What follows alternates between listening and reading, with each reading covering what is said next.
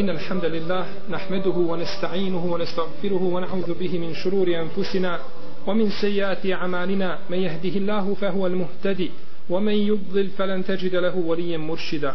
وأشهد أن لا إله إلا الله وحده لا شريك له وأشهد أن محمدا عبده ونبيه ورسوله وصفيه من خلقه وخليله أدى الأمانة وبلغ الرسالة ونصح الأمة وكشف الله به الجمة وجاهد في الله حق جهاده حتى أتاه اليقين. يا أيها الذين آمنوا اتقوا الله حق تقاته ولا تموتن إلا وأنتم مسلمون. يا أيها الناس اتقوا ربكم الذي خلقكم من نفس واحدة وخلق منها زوجها وبث منهما رجالا كثيرا ونساء واتقوا الله الذي تساءلون به والأرحام إن الله كان عليكم رقيبا. يا أيها الذين آمنوا اتقوا الله وقولوا قولا سديدا. يصلح لكم أعمالكم ويغفر لكم ذنوبكم. ومن يطع الله ورسوله فقد فاز فوزا عظيما. أما بعد فإن أحسن الكلام كلام الله. وخير الهدي هدي محمد صلى الله عليه وسلم وشر الأمور محدثاتها وكل محدثة بدعة وكل بدعة ضلالة وكل ضلالة في النار Draga moja i cijenjena braćo, govorili smo o dobročinstvu roditeljima. Govorili smo o ovom najbržem i najjednostavnijem i najsigurnijem putu koji vodi čovjeka do Allahove dželešanu milosti i Allahovog ridoana i zadovoljstva. Pa smo spomenuli neke ajete iz Kur'ana koji obavezuju muslimana na dobročinstvo roditelju. Tako Kur'an jasno ukazuje da je dobročinstvo roditeljima strogi farz i stroga obaveza. Također sunet poslanika sallallahu alaihi wasallame ukazuje i obavezuje muslimane da se lijepo ophode prema svojim roditeljima i nema razilaženja među islamskim učenjacima nema razilaženja dakle među našom ulemom da je dobročinstvo prema roditeljima obaveza muslimana a da je nepokornost roditelju jedan od velikih grijeha koji može da izazove jako ružne posljedice prema počinitelju. Prenosi se da je Alija ibn Husein ibn Ali to je unuk Alija radijallahu anhu da je bio jako pokoran svojoj majici i veliki dobročinitelj njoj. Pa su ga jedne prilike upitali njegovi ashabi njegovi drugovi ti si pokoran svojoj majici no međutim kaže nikada te ne vidimo da jedeš sa svojom majkom skupa nikada nisi sjeo i da ručaš sa svojom majkom a ti si joj dobročinitelj a od dobročinstva je da joj praviš društvo kada jede i da jedeš zajedno sa njom Pa je kazao tako mi Allaha, kada moja majka jede, ja uvijek sjedim pored nje. No međutim ne jedem sa njom, bojeći se da zalogaj koji ja uzmem i stavim ga u svoja usta, da bi možda moja majka mogla poželjeti taj zalogaj, a ja ga uzeo i stavio ga u svoja usta, pa će tako biti nepokoran svojoj majci i tako ću zaslužiti Allaha u Želšanu kaznu. Vidimo u čemu je ovaj islamski učenjak i unuk Allahovog poslanika sallallahu alaihi wasallam smatrao nepokornost svojoj majci da jede i da uzme zalogaj onaj koji bi eventualno poželjela njegova majka. I prenosi se od Ibnu Sirina, Muhammeda Ibnu Sirina, jednog velikog islamskog učenjaka i pobožnjaka, Tabina, koji je dugo se družio i boravio u Zenesa Ibnu Malika radijallahu anhu, da je svojoj majici uvijek kupovao najljepšu odjeću.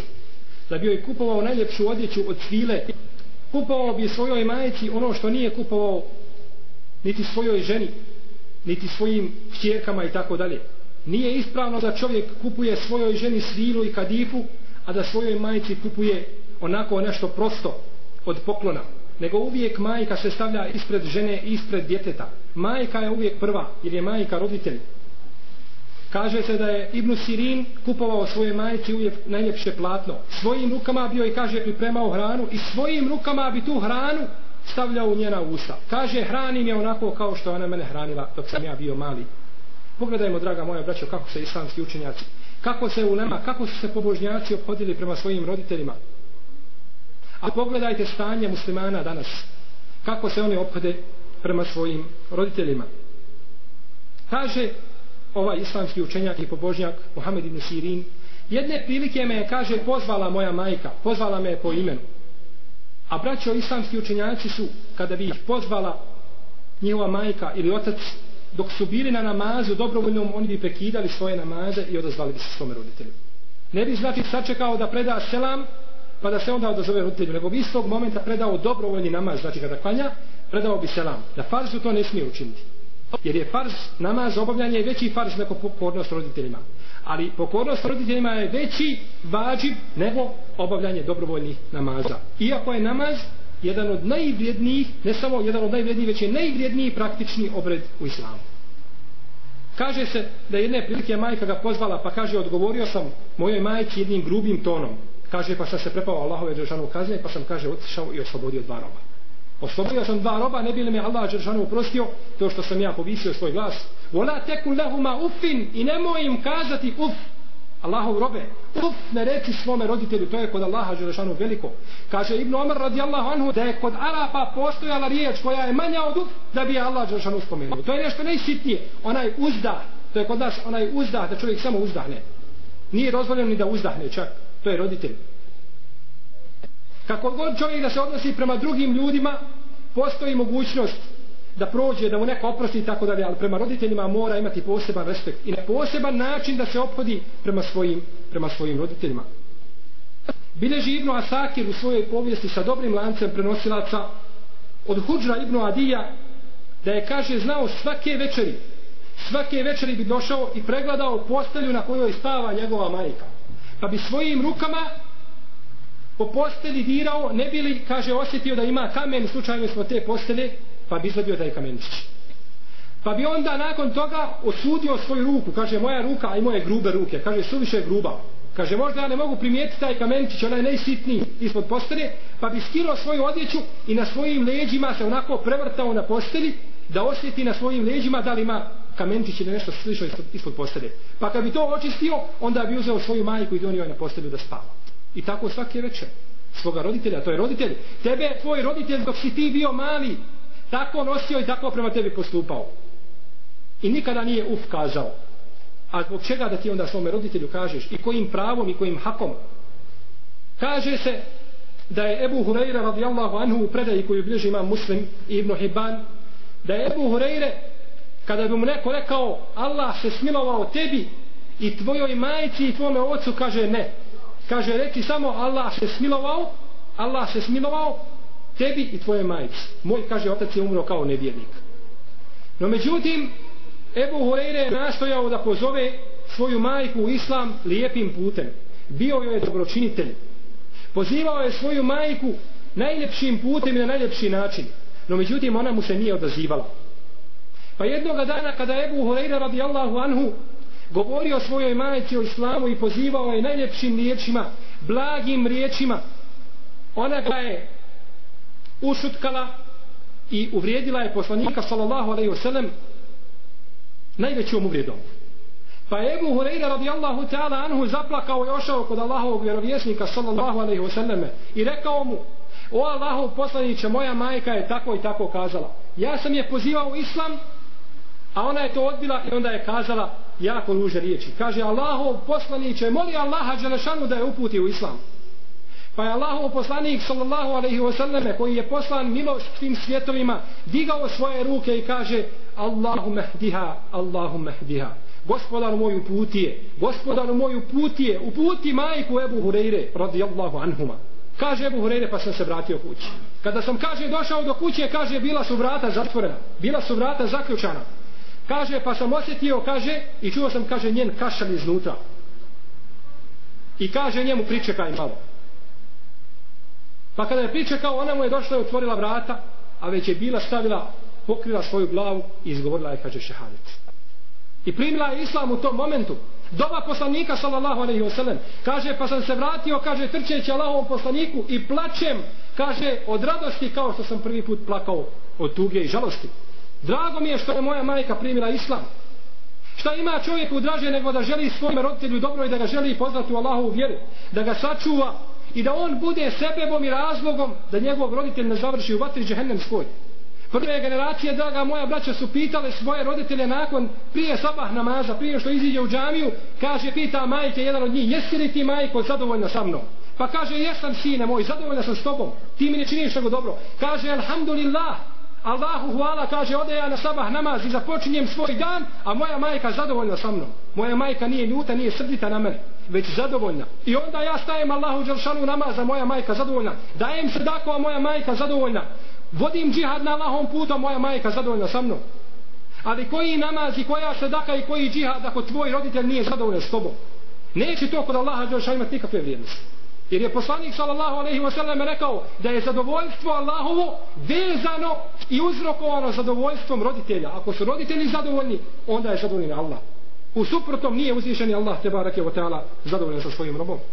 Bileži imam Tabarani u El Mu'đamul Kebiru da je jedan dječak na samrtnoj posteli da nije mogao izgovoriti šehadet da su svi prisutni oko njega koji su bili nagovarali ga da izgovori, izgovori šehadet a on to nije mogao učiniti pa su pozvali Allahovog poslanika sallallahu alaihi wa sallam. Pa mu je rekao reci la ilaha illallah. Pa nije mogao. Pa je poslanik upitao je on uopće klanjao?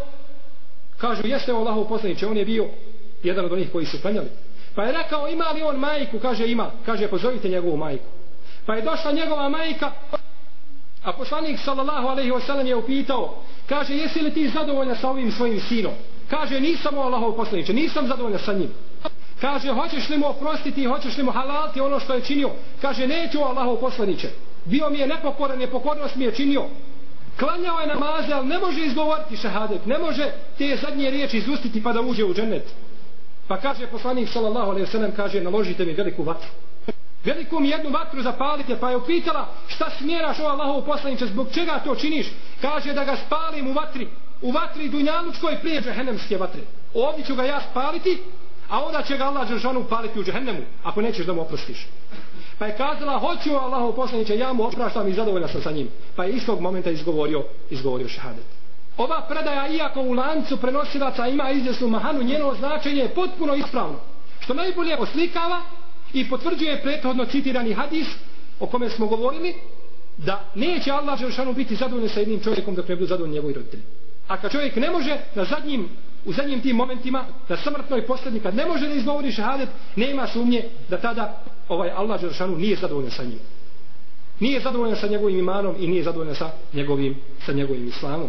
Bilježi Ibnu Ebi Dunja u svome dijelu Qadaul Hawaić od skupine učenjaka prvih pokoljenja da su kazali da je jedan od učenjaka dok je boravio pored svoje kuće vidio je dženazu kako prolazi pored njega nose je trojica ljudi nose je trojica ljudi i iza njih ide žena sama prati dženazu pa je kazao subhanallah zbog čega se ja ne bi pridružio pa pomogao njima donose tu dženazu jer dženaza se nosi sa četiri strane pa je prišao no međutim ovi ljudi koji su nosili dženazu kažu mi ne želimo da ti nosiš sa nama dženazu mi smo iznajmljeni mi imamo svoju naknadu za ovo što činimo A ti ako budeš bio s nama, onda ćeš ti podijeliti s nama ta sredstva. A mi to ne želimo. Mi želimo da to bude nama.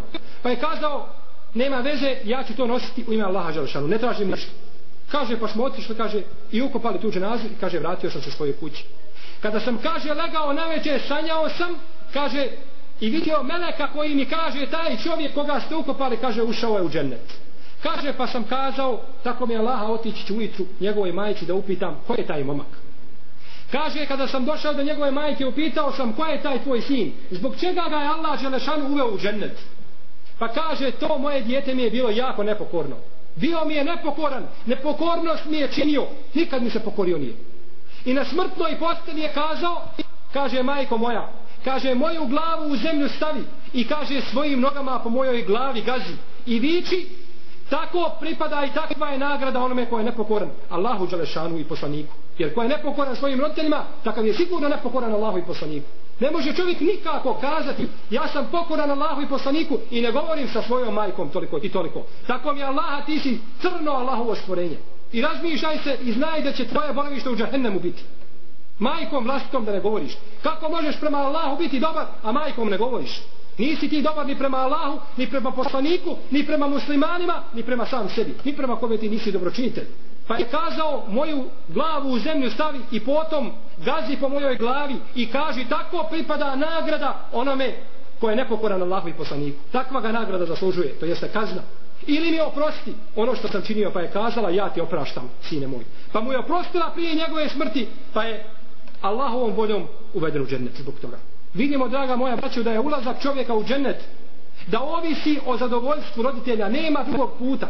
Neka se niko ne zavarava da pomisli ja mogu biti dobar musliman i sedaku dijeliti i mogu klanjati i postiti i dobročinstvo drugim muslimanima činiti, a prema svojim roditeljima sam nepokoran. Sve ti to neće vrijediti kod Allaha Đelešanu. Nema, draga moja braća, razilaženja među islamskim učenjacima da je nepokornost roditeljima veliki grijeh. I da Allah Đelešanu onima koji su nepokorni prema svojim roditeljima požuruje im kaznu na ome svijetu. Prije ahiretske kazne, koja je teža i bolnija kada bi oni samo to znali. Kaže poslanik sallallahu alejhi ve selleme u hadisu koga bideži imam Buharija u svojoj povijesti i Taberani i drugi sa vjerodostojnim lancem prenosilaca isnani yu'ajjil hamallahu fi dunya el bagi wal uquq. Kaže dvojici ili dvijema skupinama ljudi Allah Đelešanu požuruje kaznu na dunjaluku. To su kaže el bagi to je nepravda zulm nepravda koja se čini. Jer je poslanik sallallahu alejhi ve sellem rekao ittaqi da'wat al mazlum čuvaj se dobro kazne onome kome se nepravdu učinio. Jer između njega i Allaha Đelešanu nema hijjaba i nema zastora. Allah će takvu dovu primiti. Čak neki učenjaci kažu primit će i od nevjernika. Jer Allah Đelešanu ne trpi zulm. Allah, Allah Đelešanu kaže za sebe O robovi moji, ja sam sebi nepravdu zabranio i zulm i vama nepravdu zabranjujem i činim je među vama zabranjeno. Ne trpi Allah nepravdu. I elukuk i da je čovjek nepokoran svojim roditeljima. Takav će osjetiti Allahu u Đelešanu kaznu na ome svijetu prije ahireta. To je neminovno. I to se da obistiniti, to se vidi kroz istoriju, kroz istoriju Islama. I tako će Allah Đelešanu dati, braćo, ovo je jako bitno da je to Allahov sunnet. Da će Allah Đelešanu dati onome ko je nepokoran svojim roditeljima, da će dati iz njegovog potomstva ko će biti njemu nepokoran. Bileži Abdul Muhsin et u svome dijelu Mišvarul Muhadara kaže da su u vrijeme prvih pokoljenja da su vidjeli jednog čovjeka kako po ulici vuče svoga babu i udara s nogama. Pa su ljudi prišli da obrane toga čovjeka da ga zaštite od tog nepokornika i tog napasnika pa je kazao taj čovjek, taj njegov otac kaže pustite ga, kaže, neka radi. Pustite ga, neka me udara, kaže, tako sam ja svoga babu tukao i udarao. Tako sam ja postupao sa svojim ocom. U drugoj predaji kaže da je pošao sin da ubije svoga babu. A ovi su ga htjeli spriješ, kaže, pustite ga, kaže, na ovo mjesto na koje me vodi, tamo sam ja, kaže, svoga oca ubio. Tamo sam ga ja ubio i tamo sam ga ja ukopao, tako neka on učini sa mnom. A doći će njemu iz njegovog potomstva, ko će isto tako učiniti. To je Allahu sunne, to se ponavlja, to je neminovno, braćo. Spomenut ću vam jedan događaj koji se desio u Egiptu u naše vrijeme, da je jedna je žena bila i živjela sa svojim mužem. I ostala je trudna. I odredio je uzvišeni Allah te barake ta'ala da njezin muž preseli na onaj svijet. Ostala je majka trudna sa djetetom pa je rodila sina. Rodila je sina no međutim šta je ona? Samohrana majka. Pa je išla radila po dvorcima bogataša i po raznim mjestima čistila i ljude služila po njihovim kućama. Sluškinja bila da bi svoje dijete odhranila. Da bi svoje dijete čovjekom učinila. Pa svaki dirhem i dinar koji zaradi stavila bi u svoju postelju kaže ovo je mome sinu mome jedincu da kada raste da bude čovjek. Pa ga je poslala u visoke škole i učio je sve dok nije završio. Za arhitekta i neke visoke, visoke škole u svakom slučaju vezanje za građevinstvo pa je obogatio se. I Allah Đelešanu mu je dao veliko bogatstvo. Pa je napravio sebi jednu veliku zgradu sa četiri sprata. Ovu priču koju vam navodim, ovo nije bajka, već je spominje jedan poznati islamski učenjak u jednom od svojih predavanja. Kaže pa je, pa je napravio sebi zgradu sa četiri strata, veliku. No međutim, stidio se pred ljudima kazati da je ta sluškinja koja ide služiti da je to njegova majka. Pa se oženio. I oženio ženu pokvarenu, baš onako kako je i on pokvaren. Allah Đeršanu kaže, el habitatu lil habitine, ul habitune lil habitat. Allah što kaže pokvarene žene su za pokvarene muškarce. A pokvarene muškarci su za pokvarene žene. Oni su jedni za druge. U li tajibin, u li tajibat. A dobre žene su za dobre muškarce, a dobri muškarci su za dobre žene. Pa je stidio se da kaže da je to njegova majka. Pa su odlučili, a napravili su dole negdje u podrumu nekakvu špilju koja je imala jedva jedan prozor koja je više bila pod zemljom i tu je smjestio svoju majku. Pa bio i svakog jutra i svake večeri slao hranu da jede. Tu je ona jela. No međutim nije imala pravo da dolazi kod svoga sina. No međutim jedne prilike u Ramazanu njen sin je pozvao nju da dođe k njemu da sa njim da sa njim iftari. Nakon što su jeli, a njegova majka je bila pogođena sa onom padavicom koja se zove Sara u arapskom jeziku. Snalazila bi je padavica. i ona bi znala podizati svoj glas prije no što je snađe ta padavica. Pa je počela da galami i da diže svoj glas žena bolesna uzvišen je Allah ženo iskušao to je tvoja majka. Ona ti je preča od bilo čega ti si dužan da 24 sata pored nje boraviš i da nastojiš da joj utočište pružiš. Pa je ona izišla na gornji dio ili na potkrovlje jer no međutim u arapskom svijetu kada se prave kuće one nemaju krovove to samo ploče gore. Kada je izišla na tu ploču na četvrti sprat i narod je izišao da gleda zbog čega ta žena galami a izišli su za njom njen sin i njegova žena. Pa kada je ona stala pored kraja ili uz kraj te zgrade došla je žena tog njenog sina i počela da ga nagovara kaže gurnije da padne s te zgrade.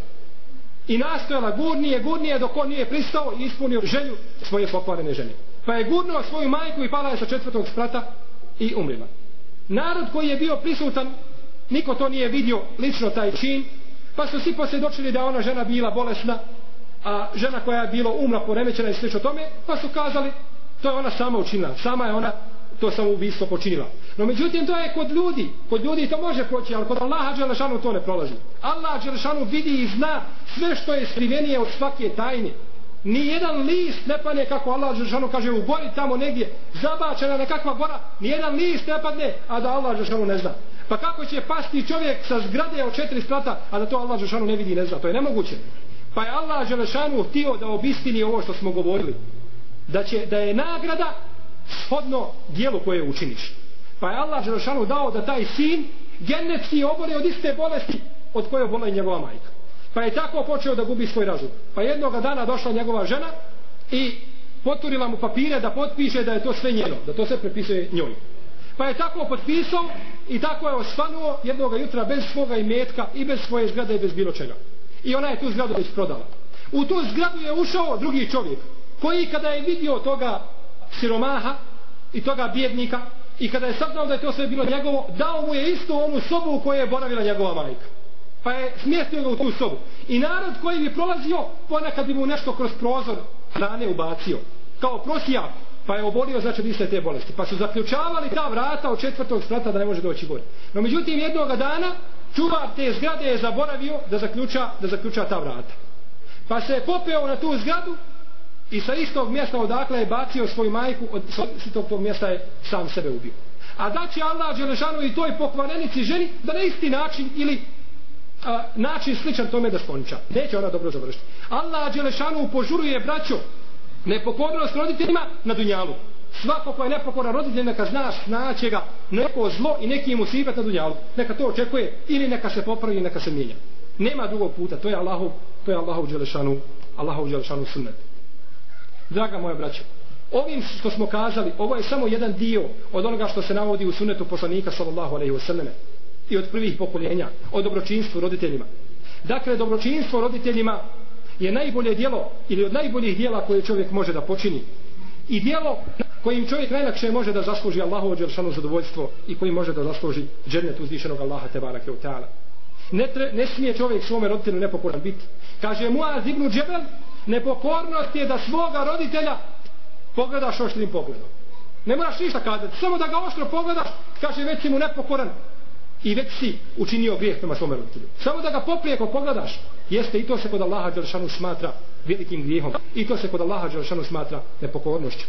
Ako ti tvoj roditelj nešto naredi, a to ne kontradiktira vjeri i nije oprečno sa temeljnim vjerskim propisima, zbog čega to ne učiniš? Iz tog momenta kada ti roditelj naredi, dužan si da to učiniš, bez pogovora. Nije Allah to zabranio i nije poslanik zabranio. Muba stvar, ne dvoumi se. Kad ti je roditelj naredi više, nije za tebe muba. Sad je za tebe far, bađib i moraš to učiniti. Ako ne učiniš, ne pokoran svom roditelju. I činiš veliki grijeh. I zato je, draga moja braća, pokornost roditelju ne može se nadomjestiti drugim stvarima. Tako mi je Allaha, onaj ko klanja cijeli život, kijamu leji, noćni namaz, ustane i plače Allahu Đeršanu seždu. Ne može dostići stepene onoga ko se samo jedan sahat lijepo obhodi prema svom roditelju. Znam šta sam kazao i ono što sam kazao stojim za toga. Jedan sahat dobročinstva roditelju je bolje nego cijeli život da provedeš na kijamuli. Jer te Allah žalšanu zadužio za dobročinstvo roditeljima. I sve predaje Selefa koje se navode svojim primjerima ukazuju da su ljudi davali prednost dobročinstvu roditeljima na dobrovoljnim stvarima. Kaže Muhammed ibn Munkedir, kaže imao sam brata koji je bio dobro, kaže bio je dobročinitelj majti no međutim kaže puno je volio da provede u namazu. Puno je klanjao. Kaže pa je jedne večeri ustao i tijelo veće proveo na namazu. A ja sam, kaže, proveo sa svojom majkom, kaže, bilo je to veće hladno. U stvari, oproste, bilo je toplo veće. Pa ljudi kad je vruće veće ne mogu da spavaju. Pa sam, kaže, proveo sa svojom majkom cijelo to veće. Sa njom sam se šalio i svoju sam majku tješio do sabaha. Kaže, tako mi Allaha, kaže, ne bi dao svoje to veće za ne znam ti koliko večeri svoga brata. Ja sam sa svojom majkom bio koja me rodila, koja je tako pored mene dok sam ja mali u Bešici bio, tako je ona pored mene zoru čekala. Pa kada sam ja bio bolestan i ona je sa mnom bolovala. Kada sam ja plakao i ona je plakala. Kada sam se ja radovao i ona se radovala. Pa je moje veće koje sam proveo sa svojom majkom bolje nego ne znam ti koliko večeri moga brata. Jer sam pokoran svome roditelju. Jeste, draga moja braćo. Pokornost roditelju. Neće biti daleko od istine ako kažemo neće biti daleko od istine ako kažemo da je umet u stanj ovo stanje u kome se nalazi islamski umet da je uzrok tome ili jedan od uzroka da je to što su muslimani nepokoni prema svojim roditeljima. Nije ni malo daleko. Jer ne može Allah Želešanu i neće Allah Želešanu da da jednom narodu islamsku državu i da im da čvrsto tlo pod nogama dok ne budu bili dobri prema svojim roditeljima. Ne to, dok ne budu međuljudski odnosi u jednom društvu zdravi. Neće Allah Žešanu dati jednom narodu uspjeha. A kako će dati im uspjeha ako je čovjek nepokoran prema svome roditelju? Zato, draga moja braćo, muslimani trebaju da povedu računa sami o sebi. Jer kada čovjek čini dobročinstvo roditelju svome, više nisi samo dobročinitelj roditelju, ti si dobročinitelj i islamu, i Allahu, i poslaniku, i vjeri, i cijeloj muslimanskoj zajednici. I samo na takav način mogu muslimani vidjeti bolje sutra.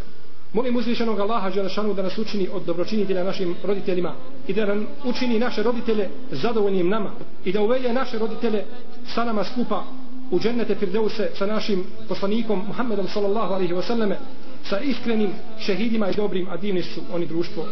Wa sallallahu ma ala nebina Muhammed wa ala alihi wa sahabihi jma'in wa jazakum Allahu khairan jaza bismillah kako postupiti prema roditeljima koji nisu pokorni Allahu Đelešanuhu koji možda čovjek odrećili sa Allahovog puta koji psuju Allaha Đelešanuhu i Allahovu vjeru a dužnost je čovjeka da postupa prema, prema svojim roditeljima lijepo i da im sobro, svoje dobročinstvo ukazuje. Bez obzira bio taj čovjek musliman, otac taj ili majka, bili oni muslimani ili bili nevjernici ili bili mušici. Čovjek je mora dobročinstvo činiti. Možda ćete se iznenaditi ako vam kažem da čovjek je obavezniji da čini svome do, ocu dobročinstvo koji je takav nepokornik nego onome koji je pokornik. Obavezniji je da mu čini veće dobročinstvo. Jer tvoj otac je ili otac onoga koji je takav je u jako opasnoj situaciji da preseli Allahu Đeršanu psuje Allaha takav izlazi iz okvira Islama i vraća se Allahu Đeršanu kao murted i otpadnik od Allahove vjere e takvog čovjeka treba izvući na istinu na pravi put takvog čovjek, takvom čovjeku treba ukazati a nećeš mu ukazati osim lijepom riječu i nasihatom i lijepim postupanjem ako je otac već u vjeri ako je čovjek ili majka ako su već u vjeri onda čovjek kada i ne bi do te granice lijepo postupao, oni dalje ostaju muslimani. Pa on će biti pitan zbog svoje možda a, eventualne nepokornosti i tako dalje, no međutim ostaje da su on i oni muslimani. On i oni njegovi roditelji su muslimani. Na ovom slučaju ako je otac u takvom stanju, onda je čovjek dužan da na najljepši način opodi se prema svom ocu, da nastoji da mu ukaže i da ga uputi na pravi put. Da moli Allaha Đelešanu da ne ostavi nijedne seđde, a da Allaha Đelešanu ne moli da ga uputi na pravi put. Sjećate se kad smo govorili braći o ome predavanju, da je Zubeir ibn Lawam ostavio dva sina, Abdullaha i Urveta. Kaže Abdullah, kaže nakon smrti moga oca Zubeira, kaže nikada nisam godinu dana nikome dobio osim svome babi. Gospodar moj, oprosti Zubeiru. Oprosti Zubeiru. I samo njemu dovu činio nikome drugom, ni ženi, ni djeci ni samo njemu. A kaže Hafsa, kćerka Urve kaže kada je umro, kaže Abdullah ovaj Zubeir i i majka njegova Esma, kćerka Ebu Bekra kaže kada god bi kaže na seždu kaže pao zaplakao bi i vikao kaže gospodaru moj Zubeir, gospodaru moj, esma, oprosti im, gospodaru moj. E zato čovjek da, da dobi, jer ti ne možeš uputiti nikoga, Allah upućuje koga želi, ali ti možeš dobiti Allahu Đelešanu i moliti ga da uputi tvoje roditelje. I može tvoje dova biti primljena kod Allaha Đelešanu. Jer kako god se prima dova, a, roditelja za dijete kod mene nije ni daleko da bude a, dova djeteta za roditelja primljena.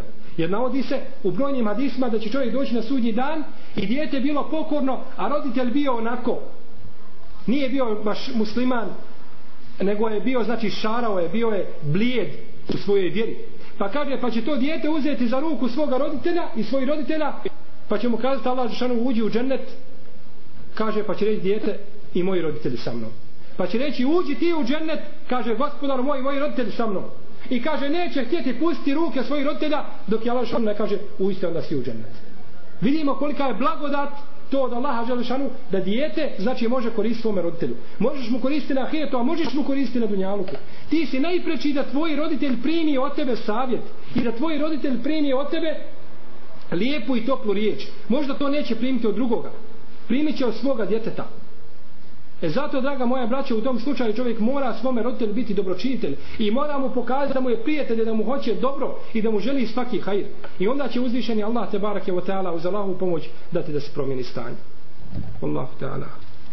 Ovdje pitanje glasi, ako moja majka mene se odrekne i neće mojih milošta, znači poklona, jel? Jer posjećuje, jer posjećuje baš ovu džamiju. Šta će uraditi? Moja majka smatra da ovo nije džamija gdje bi mi bosanci trebamo ulaziti. Ovdje mi je nejasno. Jer posjećuje baš ovu džamiju. Smatra da ovo trebalo biti jer posjećujem baš ovu džamiju. Tako? Jer posjećuje, znači posjećuje majka. A majka kaže da mi ne trebamo ovdje ulaziti. Znači bila bi kontradiktornost u pitanju, je tako? onda nije znači, nego pitanje bi glasilo jer posjećujem baš ovu džamiju. Znači moja se majka odrekla mene zato što ja posjećujem Allahovu kuću zato što ja dolazim da Allah Žešanu i Bade činim zato što dovolim da se poučavam vjeri tako dalje. Moja se majka zbog toga odrekla. Jest. E, ta majka koja se odrekla svoje muslimanke, svoje kćerke muslimanke, zbog toga što ona dolazi u jednu od džamije, u jednu od Allahovih kuća, a Allahove kuće su sve iste. Allahove kuće koje nisu napravljene da bi se razarali muslimani i muslimanska zajednica, već su napravljeni da bi se muslimani nečemu poučili, to su Allahove kuće. I to ne može niko zabraniti dolazak. I u ovome slučaju tvoja majka, ona je ovaj a, pogriješila 100%, a ti si 100% u pravu i nastoji dalje dolaziš u ovu džamiju, a tvoja majka hoće doći u ovu džamiju, pa da i ona nešto čuje, bujrum, ehlan osehlan, džamija je otvorena za svakoga. Poslanik sa osadem kaže, al mesčidu bejtu kulli teqijin, a u drugoj predaji, al mesčidu bejtu kulli mu'minin, džamija je kuća svakog vjernika. Sve džamije, svaka džamija viduje što je to sa Allahove kuće. A kaže poslanik sa osadem u hadisu, a pravo je domaćina da ugosti svoga gosta. Ti si gost kod Allaha Đelšanu u njegovim kućama.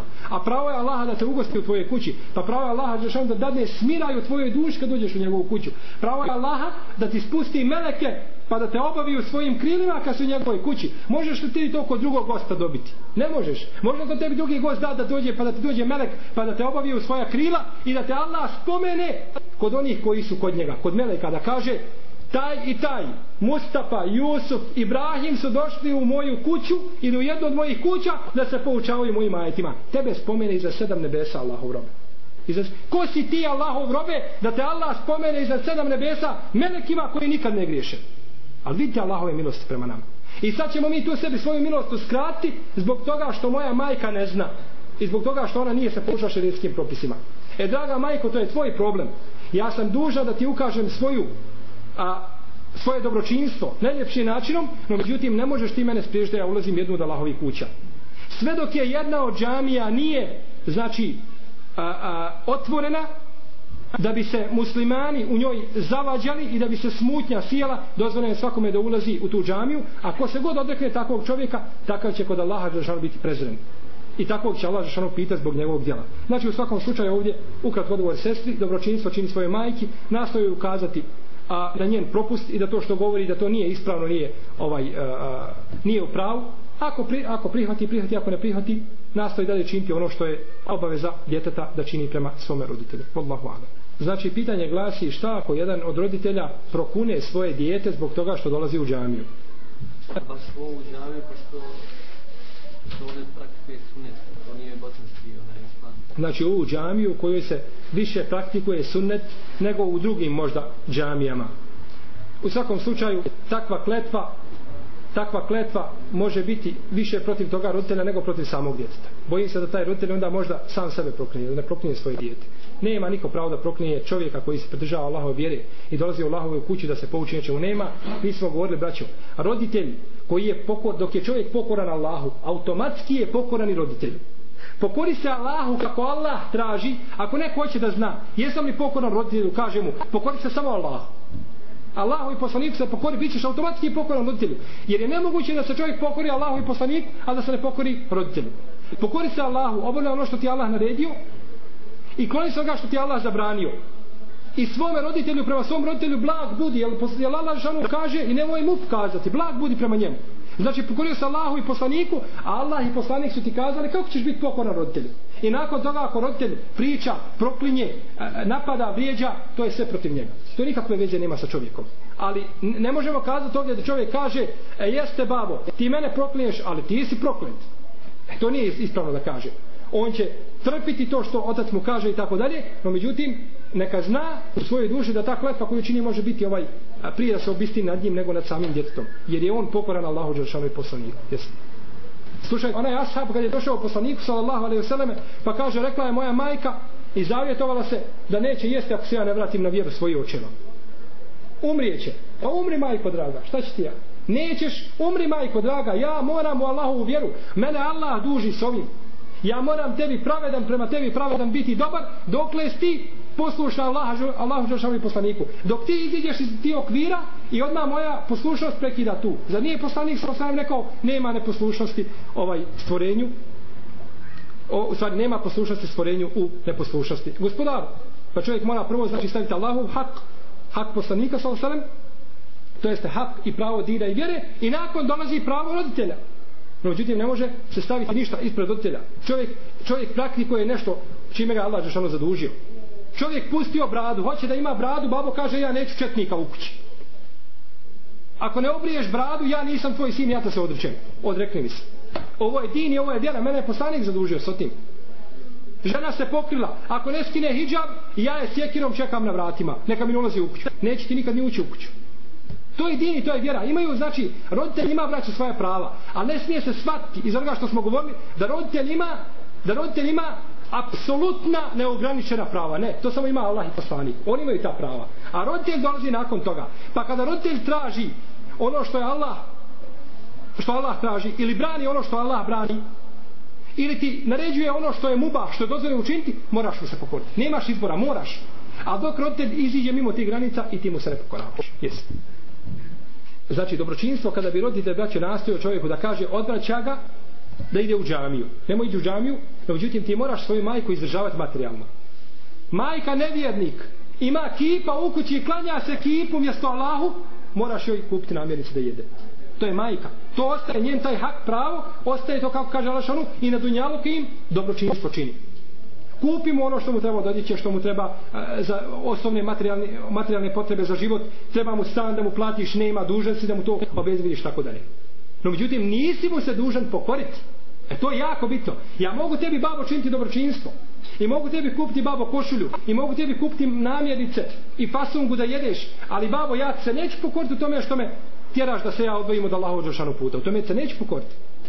E to je jako bitna stvar. Između toga da činiš dobročinstvo i da si mu pokoran. Pokoran si mu tamo gdje on pokoran Allah. Ali mu dobročinstvo moraš činiti uvijek. Jesi.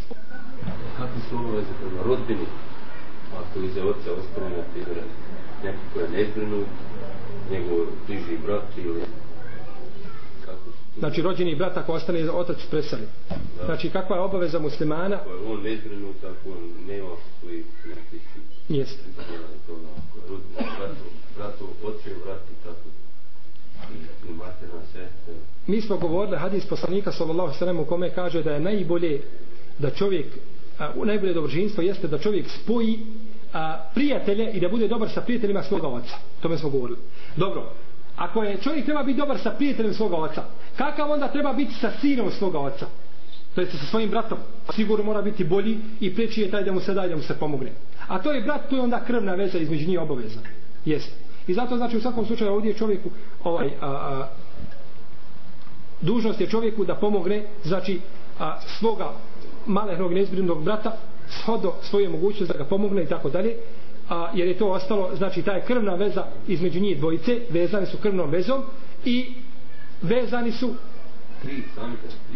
Tri, tamiđa, isto tako, nema smetnje. Ovaj, zar nije poslanik sam rekao onome ashabu kad je došao i pitao, kaže, imaš li majku? Kaže, nemam. Imaš li tetku? Kaže, imam. E, kaže, i dio dobročinjstvo čini. E, a kako činiš tetku, tetki dobročinjstvo, tako idi čini amiđi i dajđi. To je isto, jer to je na istom stepenu i na istom rangu. Jest. Kaže, idi čini mu dobročinjstvo, kaže, ućeš u žene. To je to. E, zato to, te rodbinske veze su braće ovaj. Zato kaže poslanik sam u hadisu, kad je Allah stvorio a, maternicu Rahim, a Rahim to je izvučena a, a, izvedenica iz imena Ar-Rahman odnosno Rahman je izvučena iz tog Rahim Ar-Rahman isti je onaj glagol, onaj korijen Rahame je jedno pa kad je Allah Đelešanu stvorio maternicu a to se time se hoće ukazati na rodinske veze kaže ona se uhvatila za arš Allahu Đelešanu. I kaže Allah Đelešanu šta ti je, šta hoćeš? Kaže zar nećeš biti zadovoljna da ja spojim onoga ko tebe spaja ko spaja rodinske veze a da prekinem onoga preko prekine rodinske veze? Kaže jesam gospod moj zadovoljan sam. E kaže tako će biti. I zato je jedan od velikih grija jeste prekidanje rodinskih veza i smatram da smo već o, o tome već da smo nešto i govorili. Jeste. Da li znači roditelj ima pravo zahtijevati da se čovjek razvede sa svojom ženom. Ovo pitanje treba pojasniti jer neka će roditelj ima to pravo nekad neće. Ako žena nije pokorna Allahu Đelešanu i ako je veliki griješnik i ako žena vidi se a, da ona ne odgovara tom njenom sinu iz jednog ili iz drugog razloga ali šerijatski i vjerski opravdanim ima pravo da traži roditelj da se dijete da se a, razvede sa svojim ili sa svojom suprugom. I prenosi se od Ibrahima ali islam da je došao kod svoga sina i da ga je pitao a, mislim da se radi o Ismailu da ga pitao kako živite? Da je prolazio pored njegove kuće pa kaže teško živimo, tegobno počela se žaliti. Kaže reci mome sinu poručimo da sam mu ja kazao da promijeni Atabetel Bejt da promijeni prag svoje kuće kaže kada je došao Ismaila ono je kazala kazao poručio ti tvoj babo da promijeniš prag svoje kuće. E kaže onda ti pokupi se ide. Ti staj prag koga ja trebam izmijeniti. Ovaj pa je pustio. Kada je došao drugi put oženio drugu ženu pa je pitao pa se je počela hvaliti kaže alhamdulillah Allahu hvala na blagodatima u blagostanju i u dobru. Kaže reci poručim ove sinu da učvrsti prag svoje kuće da ga znači zadrži i da je to pravi prag. Tako i žena. Ako je žena muslimanka ovaj na Kur'anu i na sunnetu i tako dalje i roditelj zahtjeva da je, da je pusti bez ikakve bez ikakvog razloga i tako dalje nećemo se tad pokoriti. Jer u većini slučajeva tad roditelj zahtjeva iz nekih svojih ličnih prohtjeva i hirova da to, da to učine. Međutim, ako ima mahana kod žene zbog koje, koje su uspostavili šarijatski učenjaci i pravnici da je dozvoljeno čovjeku da pusti zbog toga ženu, e onda će se pokoriti svome roditelju. Jer mu je tu preče da se pokori jel svome roditelju. Jesu. Pa e, ne bi ovdje bilo veze da li je roditelj vjernik ili nevjernik, a, normalno da vjernik ima kod i kamo veće pravo u tom slučaju, ako žena, ako ima pravo, ako ima pravo da je pusti on zbog te mahane. Znači, poslanik sam se rekao u hadisu koga bilježi imam tahavi, trojica kaže neće ostati miriš nikako. I jednog od njih spomenuo čovjek koji ima ženu koja je, ima ružan ahlak. Ružan ahlak ima. Šta se može smatrati ružim ahlakom? Sve što smatra ružim ahlakom, ovaj, žena koja voli puno pričati, ogovarati, napadati da je, da je bezobraznica i tako dalje, takav neće osmiriš žene, tako je ne pusti. Kaže, poslanik sam tome hadis koga bilježi imam tahavija, jeli? E sad, čovjek ima takvu ženu i roditelj traži da je pusti zbog toga što ona čini, e onda, onda treba se pokoriti svom roditelju, jeste? Jer onda ima razlog, jeste?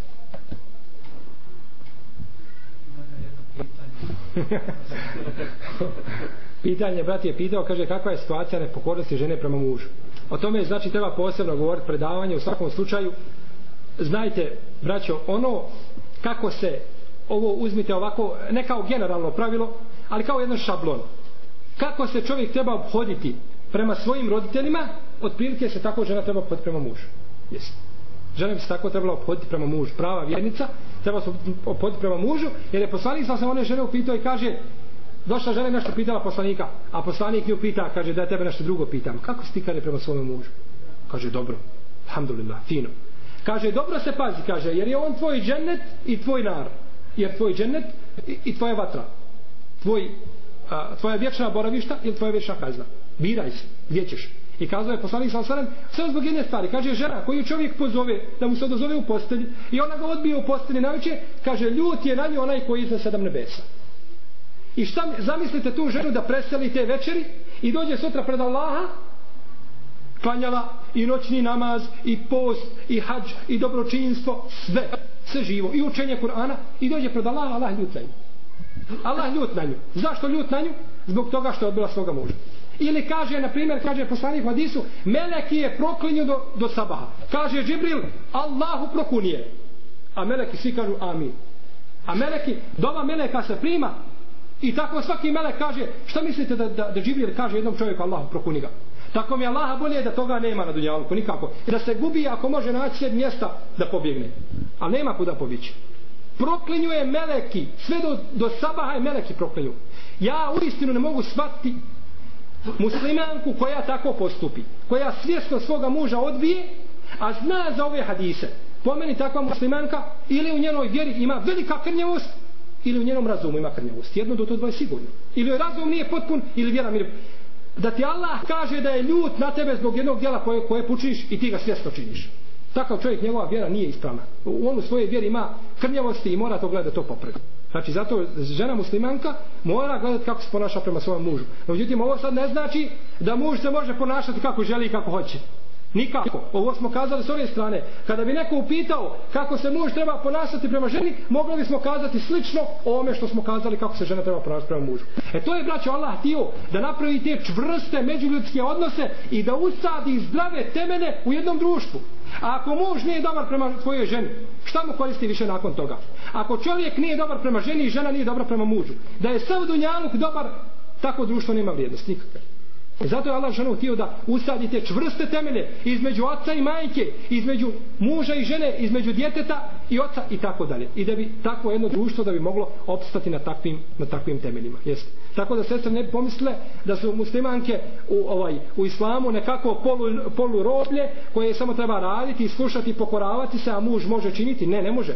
Poslanik kaže najbolji od vas su oni koji su najbolji prema svojim ženama. E, ko te pita, brate, kako da budem najbolji musliman kad je dovedi svoju ženu i pita je kakav je on prema tebi.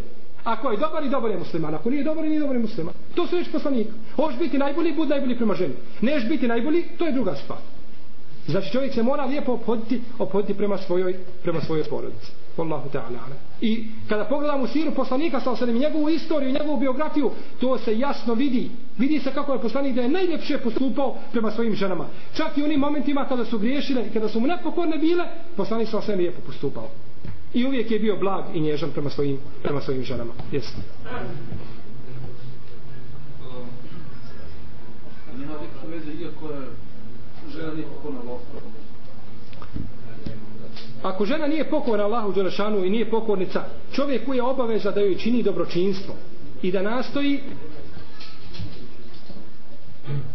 i da nastoji da joj ukaže i da nastoji da joj ukaže na istinu i hak. Ne bi Allah Đelešanu dao da se ona promijeni i da se popravi. To je znači put i način onoga dobročinstva koji može žena da se okrene Allahu i Đelešanu vjeri. Jer ako je čovjek grub i ako je čovjek ovaj ružno se obhodi prema svojoj ženi, možda ona nikad takva, kao takva neće primiti od čovjeka. Ali koliko primjera ima da je čovjek prvo ušao u vjeru i njegova žena nije htjela, pa on svojim lijepim postupcima doveo do toga da njegova žena uđe vjeru i da se pokrije i da počne klanjati da postane dobra muslimanka i majka i da postaje odgajateljica jedne generacije. Znači, U svakom slučaju čovjek je dužan da lijepo postupa, jer lijepa, mi ne posjedujemo, braće, ništa nego lijepu riječ. Šta posjedujemo mi do lijepe riječi? Nemamo ništa osim toga. Nemamo mi islamske države da se poželimo halifi, taj taj musliman neće da klanja, kako da ga kaznimo. Nego imaš nasiha da mu kažeš, da mu kažeš i da mu spomeneš hadise koji govore o pogrdi onoga koji, koji ostavi namaz. Kako će skončiti onaj koji ostavi namaz? Da ga nasihatiš, pa ako prihvati, prihvati. Ako ne prihvati, to je Allahovi Đeršanu ruci, on upućuje koga ženi. Da li znači e, dijete koje ima 7 ili 8 godina može da predvodi svoje upućanje u namazu?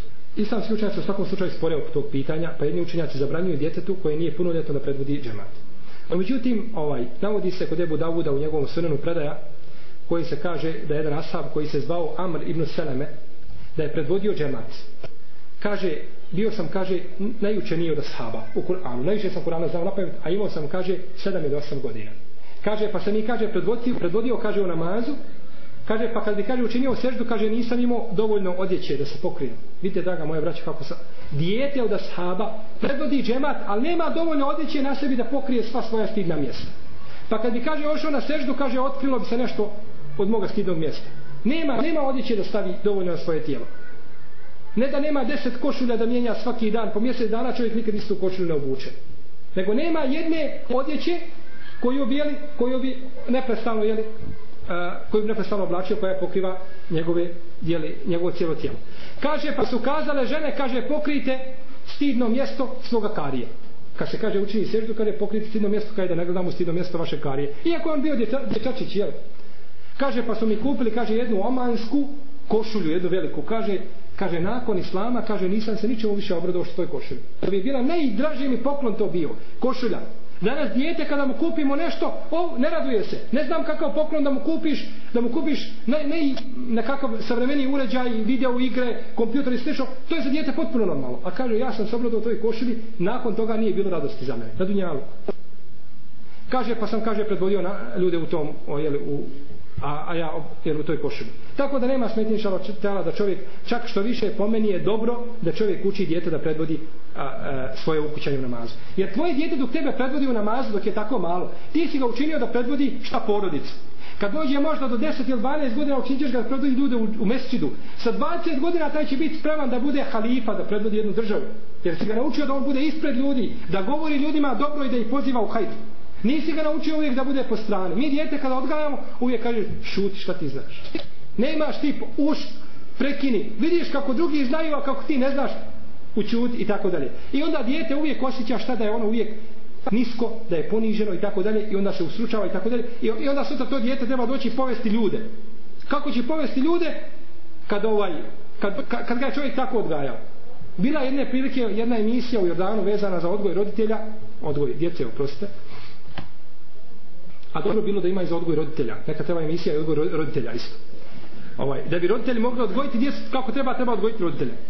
Kaže, pa je jedan e, doktor došao je i govorio o svojoj istoriji. Kaže, kaže, mene je moj babo uvijek zvao, kaže, njega zvao tamo njegov babo da je magare. Kaže, šta god da učinim, kaže da je magare. Ti si, on je tamo magare, jel? Kaže, jedne prilike je, kaže, i kaže, ja sam bio ubiđen 100%, kaže, on govori za sebe, kaže da sam ja, kaže, magare, da ja nisam insan nikako. Kaže, jedne prilike je rekao je moj otac mome bratu mlađem da je magare. Kaže, pa sam se naljutio. Kaže, nije on magare, kaže, ja sam magare, kaže, za sebe kaže. Kaže, ja sam, kaže, magare, babo, kaže, to je moje, kaže, nije, pa se naljutio, jer on je smatrao da to što mu je dao, taj epitet, tako ružan, on je smatrao da je to njemu i da je to svojstvo njemu, da nema to pravo niko da uzme. Kaže, nije, kaže, kaže, ja sam, kaže, to. Nemoj, kaže, njemu, jeli.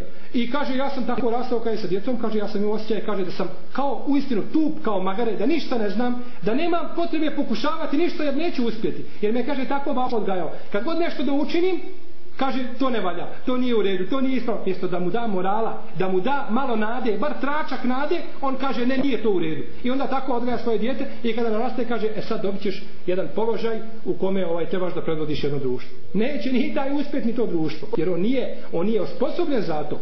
Jer jedan čovjek, braćo, može okrenuti cijelu jednu, jednu zajednicu. Jedan čovjek može stati da, da jednu državu da je okrene naopako. Par ljudi može okrenuti jedno društvo. To pogledajte kako se dešavalo u, u mnogim zemljama. Par ljudi pojavi se jedna zdrava skupina, od njih četiri, pet počne sve, napravi se džemat, vidiš ljude, ulaze u, u, u, u određeni mezheb ili određenu sektu i tako dalje, izmjene jedno društvo. Bilo da se radi u pozitivnom ili negativnom smislu. Zato ne treba čovjek gubiti nadu i kazati mi smo danas malo broji, ne možemo ništa. Ne možeš ništa da uradiš možda na većem onome planu, ali možeš početi iz onoga temena da odgajaš generaciju, da odgajaš svoje dijete, da odgajaš svoju ženu, da svoje majke dobročinstvo činiš, da svome ocu dobro i tako dalje. I kad se izgrade ti zdravi odnosi, onda mi možemo prelaziti u drugu fazu, jer mi imamo zdrave temelje. A kuda ćeš ići bez zdravih temelja? Kako god kuću da napraviš na zdravim temeljima, ta kuća nema vrijednosti. Jer kogod dođe da kupi kuću ili da, da se useli, kaže temelji ispucali. Pa ko smije ući tako kući kad temelji ispucao? I nakon toga, znači, onda, jeli, nema nikakve vrijednosti. Zato, znači, treba početi, jeli, iz tih samih temelja. Yes. Stvar ovdje ima pitanje. kakav je slučaj ako čovjek ne uzima u obzir ženinu bolest, trudnoću, pa pored toga se ljuti, a ona mu to objasni. A ovdje u svakom slučaju, braćo, mi kad smo govorili da je žena dužna ovaj, da se odozove svome mužu, ako se pitanje odnosi na to, a ovaj, a, nema sumnje da čovjek mora da uzme u obzir te stvari. Svakako bolest, trudnoća, teško, teško nekako psihičko stanje i tako da je to čovjek sve treba da uzme u obzir. Jer nije žena mašina i kompjuter koji je programiran, kada god joj daš onaj naredbu, ona se odazove istog momenta. Pa i žena ponekad je zablokira, kao što kompjuter može zablokirati. Znači nije žena spremna da čovjek uvijek ispuni ono što traži, ali čovjek treba imati znači fleksibilnost i dovoljno da razumije svoju ženu. Žena bolesna, ženi neko preselio od, od njene rodbine, ženi se desla ne, teško psihičko stanje ili prolazi kroz jedan period, šta ja znam, psihar i slično tome, to čovjek treba imati u obzir.